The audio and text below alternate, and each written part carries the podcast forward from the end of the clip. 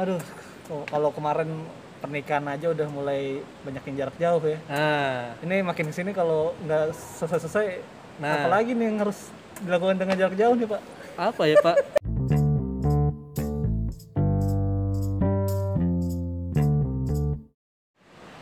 pada hari Rabu kemarin uh, Gubernur DKI Jakarta Anies Baswedan mengumumkan kalau Jakarta akan kembali PSBB ini.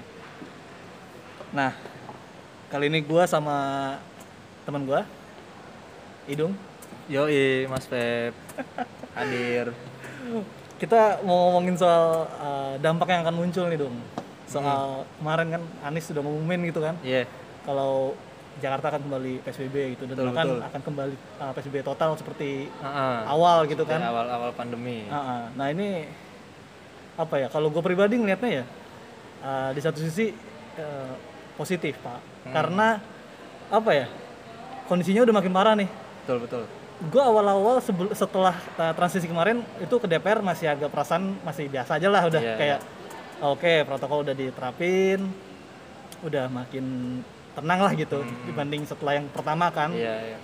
Nah sekarang kok makin ke sini makin was-was lagi gitu setelah Maksud karena Iya. peningkatannya tuh makin deras, meningkatnya makin tajam. signifikan terus udah gitu juga uh, banyak rumah sakit yang penuh Heeh. terus juga ada dokternya banyak yang meninggal Iya, ini kan jadi kayak ini kalau misalnya dokter pada meninggal ya kan Betul, betul. rumah sakit penuh terus kita Kita dirawat sama siapa? ya? nah, dalam artian kalau kita pas kena dalam kondisi kayak gitu kan aduh amsyong kan pak Parah, parah. eh bukannya jangan sampai sih kita kena ya cuma kan ini kemungkinan terburuk gitu Yuk. makanya gue nyambut baik sih sebenarnya keputusan uh, gubernur Jakarta untuk me- memberlakukan PSBB, itu gitu. Kalau lu sendiri gimana? Kalau gue sih, ya gue ngeliatnya dua perspektif berbeda ya. Satu sisi ya ada positifnya dan negatifnya, terutama ya dari sisi kesehatan sama ekonomi itu kan yang masih jadi perdebatan Aha. baik di atas di elit maupun di kalangan bawah kan itu yang Iya. masih jadi bingung kan. Kalau gue sih gitu sih. Bahkan kemarin sempat ada silang pendapat kan antara Menko Iya betul Perekonomian betul sama dari daerah maunya begini dari pusat beda lagi nih ucapannya nih kan jadi Iya. jadi komen-komentar netizen tuh di Twitter tuh ramai banget gara-gara itu tuh. Nah, bener sih gue juga ngerasain dampaknya, Pak. Karena kan gue gue kan main reksadana gitu kan. Hmm. Nah, uh, Oh yang setelah IHSG turun itu kan. iya, setelah kemarin diumumin Ah. itu langsung parah sih, Pak. Hmm. langsung parah banget jadi dan, dan akhirnya gue semalam gue jual dulu nih gue jual berasa dulu ini. iya jadi ah, gue jual dulu dah yang penting ada untung meskipun sedikit gitu Ah, ah, ah. gue apa ya gue karena masih pemula jadi masih belum mengambil resiko yang terlalu ini banget lah gitu Hmm, hmm. kecuali emas ya kalau emas gue berani kayak naruh karena kalau dia pun ya kalaupun turun nggak nggak turun banget gitu iya. banget, masih stabil lah ya, Ah, terbilang ah. stabil. tapi ini karena gue masih belajar belajar juga jadi ketika lagi kemarin anjlok banget langsung gue jual itu sih dampak yang yang pertama yang imbas kemarin gitu Ah. makanya kemarin Menko Perekonomian kan Pak Erlangga Hmm, hmm. ya mungkin itu juga sih ya Bing- apa ya namanya bingung antara Bingung, bener-bener. kesehatan yang harus diprioritasin kondisi kayak gini sama Iya, ekonomi iya. gitu Karena ya wajar sih kalau Menko Erlangga tiba-tiba ngomong kayak gitu ya HSG turun. Kayak karena memang bidangnya dia tuh ya mengurusi perekonomian kan bukan dari sisi kesehatan. Iya menurut gue sih wajar aja sih. Cuman kan pasti ada pertimbangan lain kenapa si Gubernur Anies ini akhirnya tuh merencanakan kembali PSBB total. Hmm. kalau dari klaimnya kan ya kayak keterbatasan rumah sakit iya iya. yang rumah sakit mau kolaps. Namun kan dibantah lagi sama Menko kalau pemerintah tuh menyediakan kapasitas yang tidak terbatas atau tidak terhingga kemarin gitu yang gue Hmm, lihat gue baca gitu kan. Iya iya itu itu dari ya sedikit aja sih yang, yang Iya. dampaknya ke kita juga gitu. Cuma ya menurut gue yang lebih harus didengar ya kalangan masyarakat bawah ini. Hmm. di, ketimbang ya elit politik pejabat nih berdebat gue nggak tahu ya mungkin karena dia berdebat emang buat mikirin rakyat atau memiliki kepentingan pribadinya sendiri atau instansinya masing-masing kan. Hmm, hmm. tanpa melihat rakyatnya gimana nih ini gimana nih kalangan bawah gimana. Lu berdebat-debat kalangan bawah nggak didengar ya lu percuma aja kalau cuman buat kepentingan lu Iya. masing-masing. Menko bilang gitu buat kepentingan kementeriannya Anies kementerian ininya ya kita nggak tahu kan iya ya gua yang gue khawatirin justru malah jadi apa ya dipolitisir pak. Iya betul betul jadi ya itu jadi kayak kesannya pemerintah kayak nggak suka sama Anies gitu. Jadi Iya. jangan sampai sih hal, -hal kayak gitu. Yang tetap harus ngelihat masyarakat ya keinginannya apa nih ya? mau PSBB enggak ya yang dikorbanin ya masyarakat masyarakat lagi. Iya. ada PSBB masyarakat kena ekonominya. Benar sih. Nggak ada PSBB masyarakat kena kesehatannya ya. Ah. gitu lagi ya satu sisi masyarakatnya juga ya harus disiplin lebih disiplin lah. Iya. Artinya mau tutup lagi nih mall tutup lagi ya. Kalau gue pribadi sih gue Nggak sering ke mall nggak masalah. Cuman Ah. ya bagi gue harus diurus lagi karena yang bekerja di mall itu kan nggak sedikit jumlahnya kan. Iya iya iya kerabat-kerabat gue teman-teman gue juga mungkin banyak yang kerja di bioskop Ah. kerja di tenan-tenan di mall. Itu kan harus kita pikir Iya. apa pikirin lagi kan? Bener.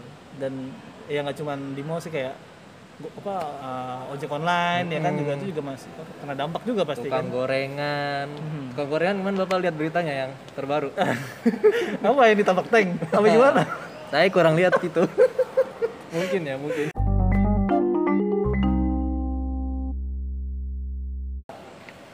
ah kalau menurut lo nih kalau gue mandang ya gini. Eh, psbb kedua nanti yang total ini Hmm. gue melihat ada kecenderungan masyarakat tidak akan patuh pak.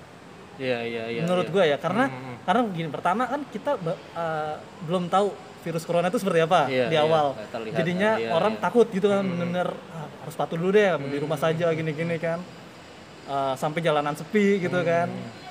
Eh, tapi kemudian eh, nanti nih yang kedua nih gue menduga apa masyarakat akan tet- apa ya akan ya tetap bekerja karena ya ekonomi itu tadi pak iya iya kayak kalau lu ngerti gimana kayak terpaksa lah. Ah, Ya, karena kalau- udah tahu juga kondisinya kan Ah, kalau menurut gue ya memang lebih susah mendisiplinkan masyarakat di PSBB apa PSBB total yang kedua ini kan. Yang Hmm. pertama kan PSBB transisi kemarin pemerintah udah menggaungkan kondisi new normal itu kan. Aha. Di mana masyarakat diminta ayo bekerja lagi lah seperti biasa asal dari kesadaran diri sendiri nih pakai masker, hand sanitizer bawa, cuci tangan, jaga jarak, ya itu kan udah kita terapin kan. iya Cuma pas udah kita terapin akhirnya ternyata masih tinggi juga nih. Apa nih Iya. penyebabnya nih kita udah terapin.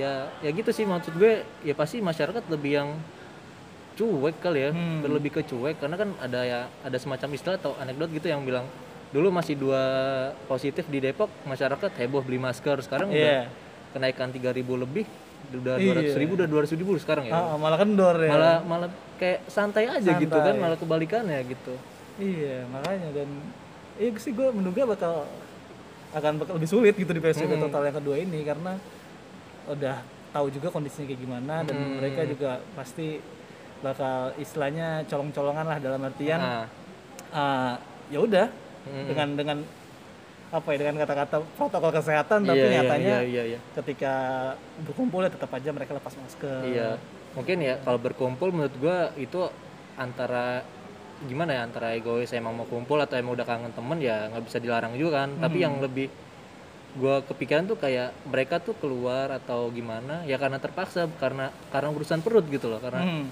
gua gue di rumah nggak ada apa-apaan anak gue butuh makan istri gue butuh makan butuh biaya segala macem ya akhirnya dia cari duit keluar ya mau nggak Iya. mau gitu kan. Hmm. kalau yang soal yang orang nongkrong gitu nongkrong maksud gue masih kayak bisa di ya lu masih bisa sadar lah nggak usah nongkrong dulu nggak usah ini. Cuman kan yang Iya. terpaksa gitu kan yang harus kita pikirin. Itu tuh pemerintah tuh coba tuh. Iya ya harusnya bener sih emang emang bener harus ngeliat keingin apa ya kebutuhan masyarakat juga sih. Hmm, karena kalau masih apa pemerintah ini terkesan kalau gue ngeliatnya cenderungnya ke ekonomi ya wajar juga lah karena ini menyangkut apa ya legacy juga kan Betul, di, betul, di betul. apa kepemimpinan Pak Jokowi yang kedua iya, ini iya emang. dia mungkin nggak mau meninggalkan kesan gagal dalam artian Iya, ekonominya gagal. Iya iya iya. Iya kan? Gue ngeliatnya gini nih. Sebelum psbb deh kemarin kan di Depok tuh. Ya kota kita kan lu gue di Depok lu di Depok Iya, iya, ngerasain iya. sendiri wali kotanya jam malam. Aha. Baru netapin jam malam aja masyarakat tuh udah kayak ya gimana nggak menolakkan lah ke masyarakat apalagi disertai dengan peraturan yang katanya ada denda sampai 10 juta itu kan oh kayak iya. Ya gue infonya di medsos-medsos kan gitu kan cuman nggak tahu gue juga belum baca lebih lanjut apa udah diresmiin atau bukan. Mhm. kayak masyarakat yang jualan pecel lele atau yang gimana itu yang masih kenapa sih harus ada jam malam gitu kan? Ekonomi baru tumbuh baru ini. Iya. Ya jam malam oke lah aktivitas dibatasin cuma jangan sampai pelarangan kayak orang jualan yang emang malam tuh dilarang. Hmm. mungkin lebih ke take away atau apa gitu ya kayak masa-masa PSBB tapi Iya, ya iya, boleh iya, lah ini cuman lebih diketat Mhm. kalau nongkrong-nongkrong dibubarin ya is oke lah cuman kalau sampai yang pedagangnya kena juga dirazia kan Iya. Nanti- Gue Mm-mm. gue sih ngeliatnya perlu kerjasama sih pak. Maksudnya gini, kalau emang mereka nggak mau usaha mereka diganggu Hmm. dengan apa diberi sanksi kalau misalnya dibuka gitu, Hmm. ya mereka juga harus ketat dalam artian nggak boleh makan di tempat Iya, gitu. iya. Baik baik apa uh, rumah makan besar maupun yang pinggir jalan Iya, itu pinggir juga jalan. harus benar-benar apa ya tegas gitu. Hmm. Kalau mereka emang pengen sama-sama cari duit kan, ya mereka juga harus komitmen dengan hal itu. Iya. Kerjasama semua pihak lah. mungkin pemerintahnya juga butuh sos apa sosialisasiin juga ke mereka kan Iya. boleh nih jualan nih tapi kalau lu ngelanggar ya Iya. gua nggak segen-segen nih Ah. cuman jangan sampai belum ada sosialisasi belum apa yang ditarik-tarikin orang kan kasihan juga pak Iya, iya. koordinasi sih pemerintah pusat sama daerah jangan sampai malah ngebingungin rakyat kayak awal-awal PSBB dulu kan agak sempat gejolak juga itu pak ya pak ya Apa? Yang mana? antara pusat Yang sama awal, iya, iya, daerah iya. itu sekarang kejadian lagi nih begini nih Iya, makanya. kayak rakyat udah ya capek juga mungkin ya Muter-muter ngeliatin. aja gitu ya. Muter-muter. satu mau gini jalannya ke A yang satu jalannya ke B Iya, iya. pernah ketemu pak Iya. Dan eh balik lagi ke PSBB total, kita sebagai wartawan nih Pak, kalau lo melihatnya sebakar sama aja atau atau gimana nih? Ya pertama satu sisi ya memang mau gimana lagi gitu kan Iya sih. Narsum pun punya keluarga, kita punya keluarga, tapi Iya. di luar itu kan kita juga punya tugas yang harus kita kejar gitu buat apalagi pekerjaan kita kan bukan buat kepentingan kita pribadi, buat halayak umum lah istilahnya gitu kan. Aha. Buat menyampaikan apa yang kita lihat, kita cium aromanya, kita pandang, kita dengar ya. Ya gimana ya Pak ya? Satu sisi dibilang was-was. Ya Iya, was-was. Sebenarnya was-wasnya bukan ke gue pribadi gitu karena gue merasa kan kalau kata eh, ahli-ahli kesehatan atau yang emang ahli dibilangnya kalau umur-umur kita nih imunitasnya tuh Masih, terbilang masih kuat lah. iya. mungkin kalau kita positif pun kita masuk OTG. kategori OTG kan cuman ketika kita pun OTG kita nggak tahu kita positif kita pulang ke rumah kan di sana ada orang tua kita Nah, ada iya nenek sih. nenek kakek kita yang jadi Iya benar. Makanya kepikiran tuh paling itu aja sih pak bener-bener Pak, gue tiap pulang tuh kayak, aduh, gue bawa virus kan ya? nah itu itu gue takutnya tuh ya jadi orang-orang sekitar orang-orang yang kita cintai Betul, ya, karena betul. ya, karena ada banyak ya kabar juga yang hmm. Ya justru klaster-klaster keluarga udah mulai bermunculan. Nah, makanya yang kita itu. khawatirin kan ya meskipun orang tua eh, di rumah gitu kan Hmm. nggak- jarang berinteraksi dengan dunia luar tapi kan kita anak-anaknya Nah, keluar rumah mobilitas iya. kita tinggi juga pak. Ketemu orang-orang yang memang mobilitasnya sama-sama tinggi. Iya bener. Tapi ngomong-ngomong ini kita menerapkan ini ya pak protokol kesehatan. Protokol kita ngobrol pakai masker pakai masker jaga jarak kita. Insya Allah lah kalau protokol insya Allah kita jalanin pak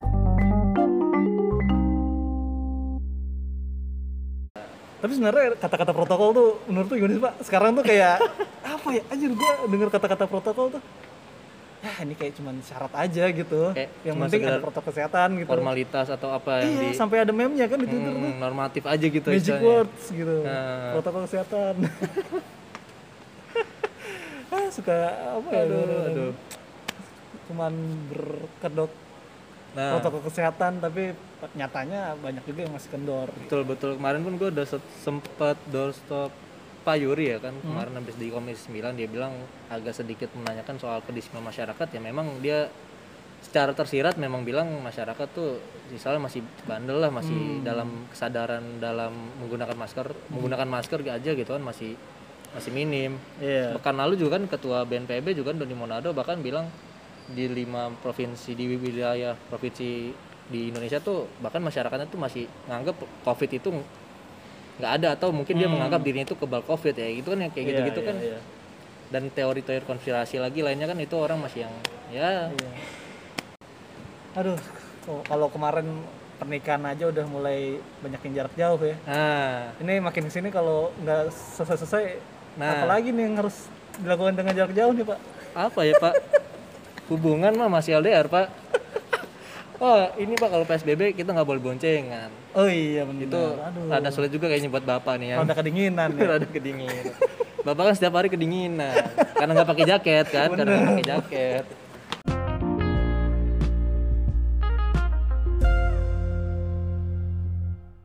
Oke, ah, kalau ya lu berharap apa nih Pak di PSBB yang kedua ini di PSBB total yang nanti? Mungkin nggak tahu sih ini jadi apa nggak sih 14 September ini nih? Nah itu dia pak. Sebenarnya harapan tuh bukan ke lebih ke PSBB totalnya ya. Karena kan PSBB total kan yang diterapin juga cuma di Jakarta aja kan. Sementara rakyat kan ada di mana-mana kan. Benar benar benar. harapan gue mungkin ke yang lebih ke umumnya ya ke general yang ke pandeminya sama rakyatnya ya. Segera berakhir lah segera kalau emang vaksin ditemukan ya emang benar-benar bisa mencegah dari penularan ya alhamdulillah gitu kan Iya. iya. ekonomi yang membaik semua semuanya ya dalam keadaan normal lah pak Jadi lu berharap vaksin segera segera ada di ini lah ya, segera di Eh, berharapnya Apa sih ya berharapnya vak kalau emang jadi gitu ya. salah satu uh, medium buat pencegahan covid itu ada di vaksin ya kita Iya. berharapnya ke vaksinnya lah tapi kalau misalnya ada cara-cara lain yang memang ditemukan apanya lah gitu lah yang alih-alih kesehatan sana ya kita berharapnya oh gak kelihatan ya tangan gua memperagakan kayak gimana ya ya ibaratnya Ya, iya ya, Ini gue paham kayak- sih. iya. Iya, gue paham sih. Artinya ya apa pun itu yang bisa menghentikan virus itu mm, eh, ya udah lakukan termasuk misalnya Iya. beli kalung anti corona misalnya gitu ya. ya sama sih gue juga berharap eh, ya udahlah gitu ya udah capek juga sih. Masyarakat gue yakin udah capek juga pakai masker mana-mana cuman mm, Boy bersabar gitu. Ya. Mungkin kalau Iya, misalnya iya, PSBB pertama kemarin agak panjang mm. ya kita nggak mau berandai-andai ya maksudnya bukan menyalahkan pemerintah juga. Iya iya. Tapi eh, ya intinya masyarakat sabarlah mm. di tengah kayak gini-gini tuh kita jangan menyepelekan jangan menganggap udah selesai gitu ya gue berharap Iya. masyarakat juga dewasa gitu Jangan- termasuk gue sendiri ini buat gue juga ya betul karena betul betul gue kadang masih lalai juga gue akuin gitu ya yang terbaik aja untuk Indonesia ya ya enggak Ya, yoi, asal kita jangan berantem berantem cuma gara-gara perbedaan pendapat Iya. atau apalah. cakep tumben bapak bijak Yo, nggak ada teks nih pak. Saya bijak dari hati nih pak. Mantap. Siap. Ah itu aja obrolan kita hari ini.